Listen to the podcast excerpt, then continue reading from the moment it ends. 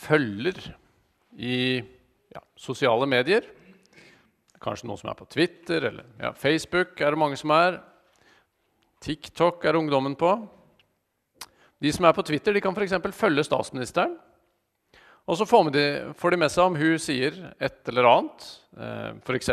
så gratulerte hun her om dagen eh, Jakob Ingebrigtsen med europarekord på en eller annen løpedistanse. og Før det så la hun ut en sak som hun var litt stolt av. En politisk sak. Ja vel. Så scroller vi videre. Kanskje vi skal se hva Jonas Gahr Støre har lagt ut.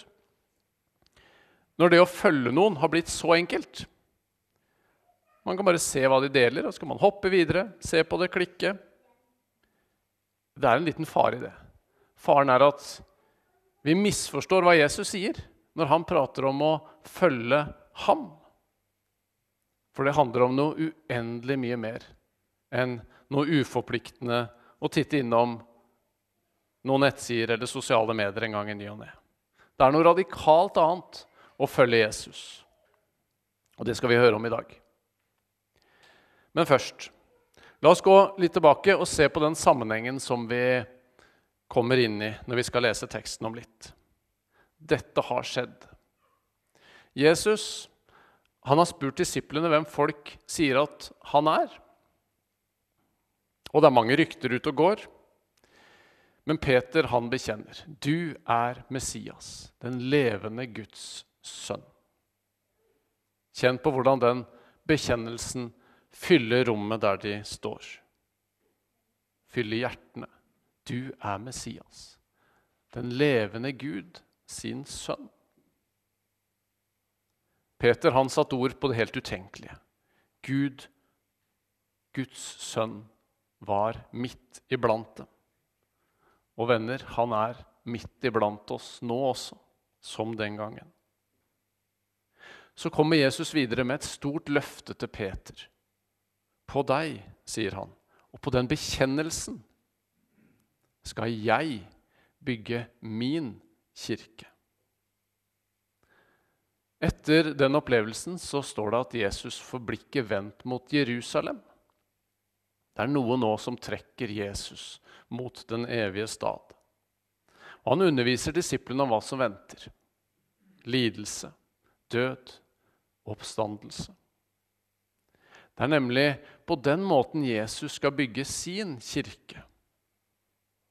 Der hvor Jesus har blikket mot lidelse og død, mot å gi seg sjøl, der aner vi at Peter han får blikket et litt annet sted.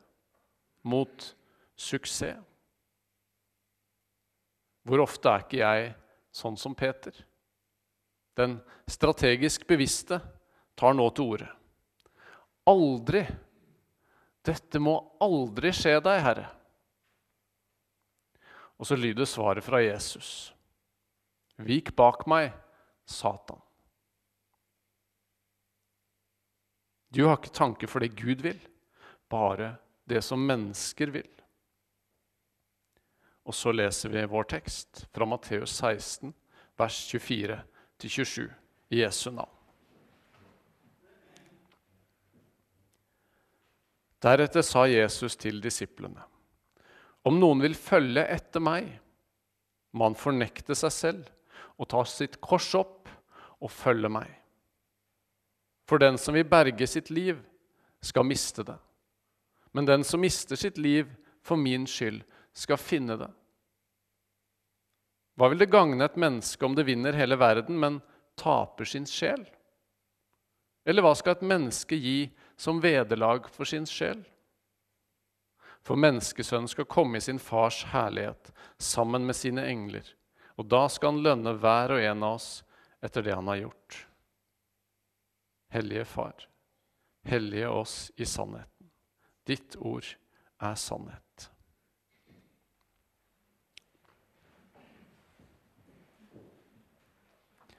Peter, han har villet gå foran. Han har planer, og han har ambisjoner. På Jesu vegne, riktignok, tenker han nok sjøl. Men nå får Peter beskjed om å slippe disse ambisjonene. Si nei. Ta sitt kors opp og følge etter Jesus. Vik bak meg. Følg etter. Du kan følge både Erna og Jonas på Twitter, men du kan ikke følge både Jesus og noen andre gjennom livet. Jesus setter fingeren på en ganske grunnleggende konflikt i oss. Det er krefter i meg som jobber mot Gud. Ja, Paulus han sier det så kraftig som det her. For jeg vet at i meg, det vil si i mitt kjøtt og blod, bor ingenting godt. Men vi vil gjerne ri disse to hestene samtidig. Vi vil legge planene, bestemme, definere retningen, og så vil vi ha med oss Jesus. da. Ja, Du kan få være med Jesus. Det er klart du kan få være med. Så min sikkerhet Kjekt å ha en egen trygghet med seg på veien. Ikke sant? Om noen skulle gå på tverke. Noen fine ritualer kanskje som kan gi oss trygghet. Jeg følger deg, Jesus, og så følger jeg meg. Og så sammen så er vi gode. Det er Peters stemme som også er i meg. Og så bryter Jesus inn. Vik bak meg. Gi slipp. Det er radikalt annerledes enn alt annet. Her er det enten-eller. Jesus kom ikke bare for å gi oss sånne gode religiøse følelser. Her er det et før og et etter, som vi hørte om i Josva-teksten. De ville følge. Her er det død eller liv, som vi hørte om i Efeser-teksten. Jesus kommer for å være din herre og mester og lede deg til nytt liv.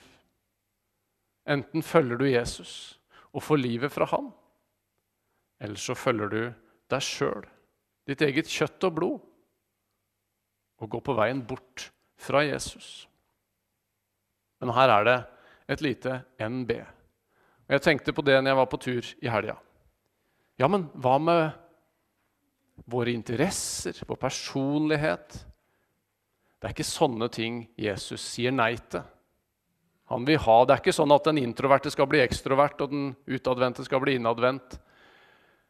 Vi er våre personer, og vi har våre interesser. Og det skal vi, og våre hobbyer og gleder. Og det skal vi med fremodighet ta med oss. Men ingenting må komme imellom oss og Jesus. For hva er det å følge Jesus?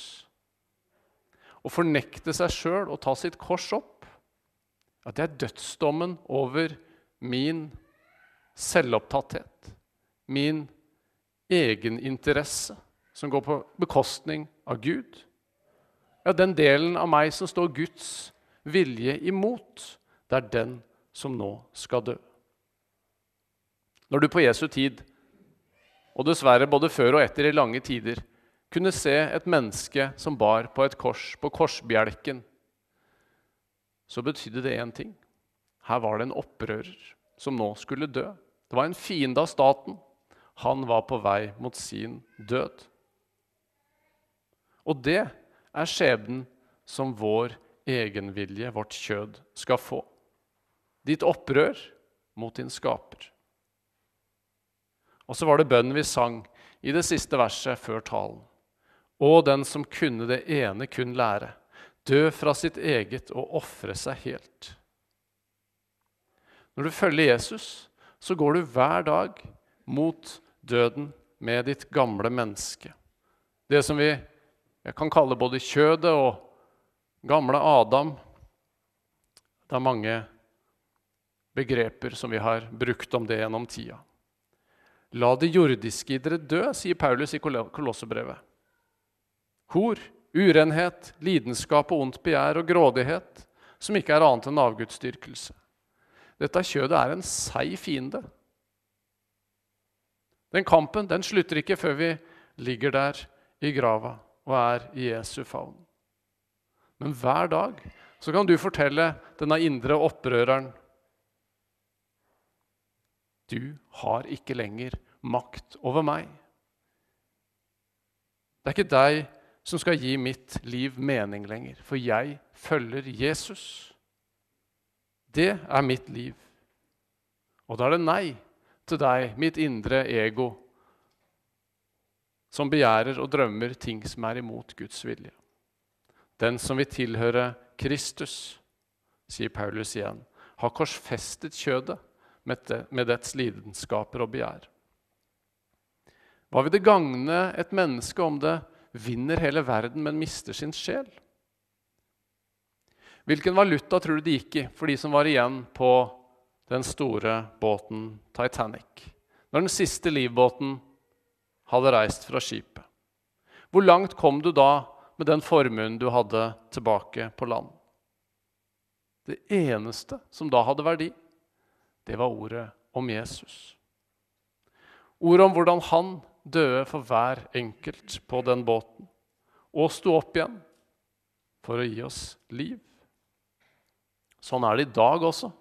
Selv om vi sitter her trygt på land, så er det det som er livbåten, den eneste valutaen med evig verdi. Ordet om Jesu kors og den tomme grava. Kallet til tro og etterfølgelse. Og Dette dramatiske kallet det treffer oss litt ulikt. Kanskje er du en av dem som har, har og har hatt et velsigna, godt og flott liv. Lite motgang, trygg økonomi, flyt på jobb, velsignelser i familien. Ordet til meg og deg i dag er at Jesus ikke nøyer seg med å være han som er med på lasset.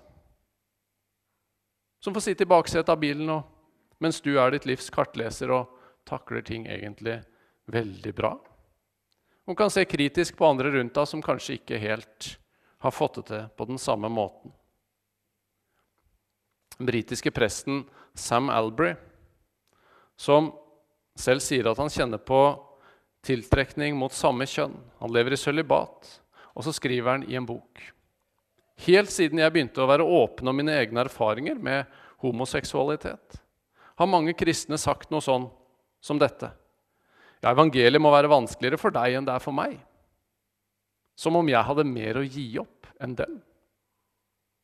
Men faktum er at evangeliet krever alt av oss alle. Hvis noen syns evangeliet liksom passa nokså enkelt og greit inn i livet deres, uten å forårsake noen store endringer i livsstil eller lengsler, ja, da er det sannsynlig at de egentlig ikke har begynt å følge Jesus i det hele tatt. Orda treffer som et knyttneveslag, i hvert fall meg. Jesus kaller jo meg til radikal etterfølgelse og lydighet. Og måtte vi legge livet vårt åpent fram for Jesus.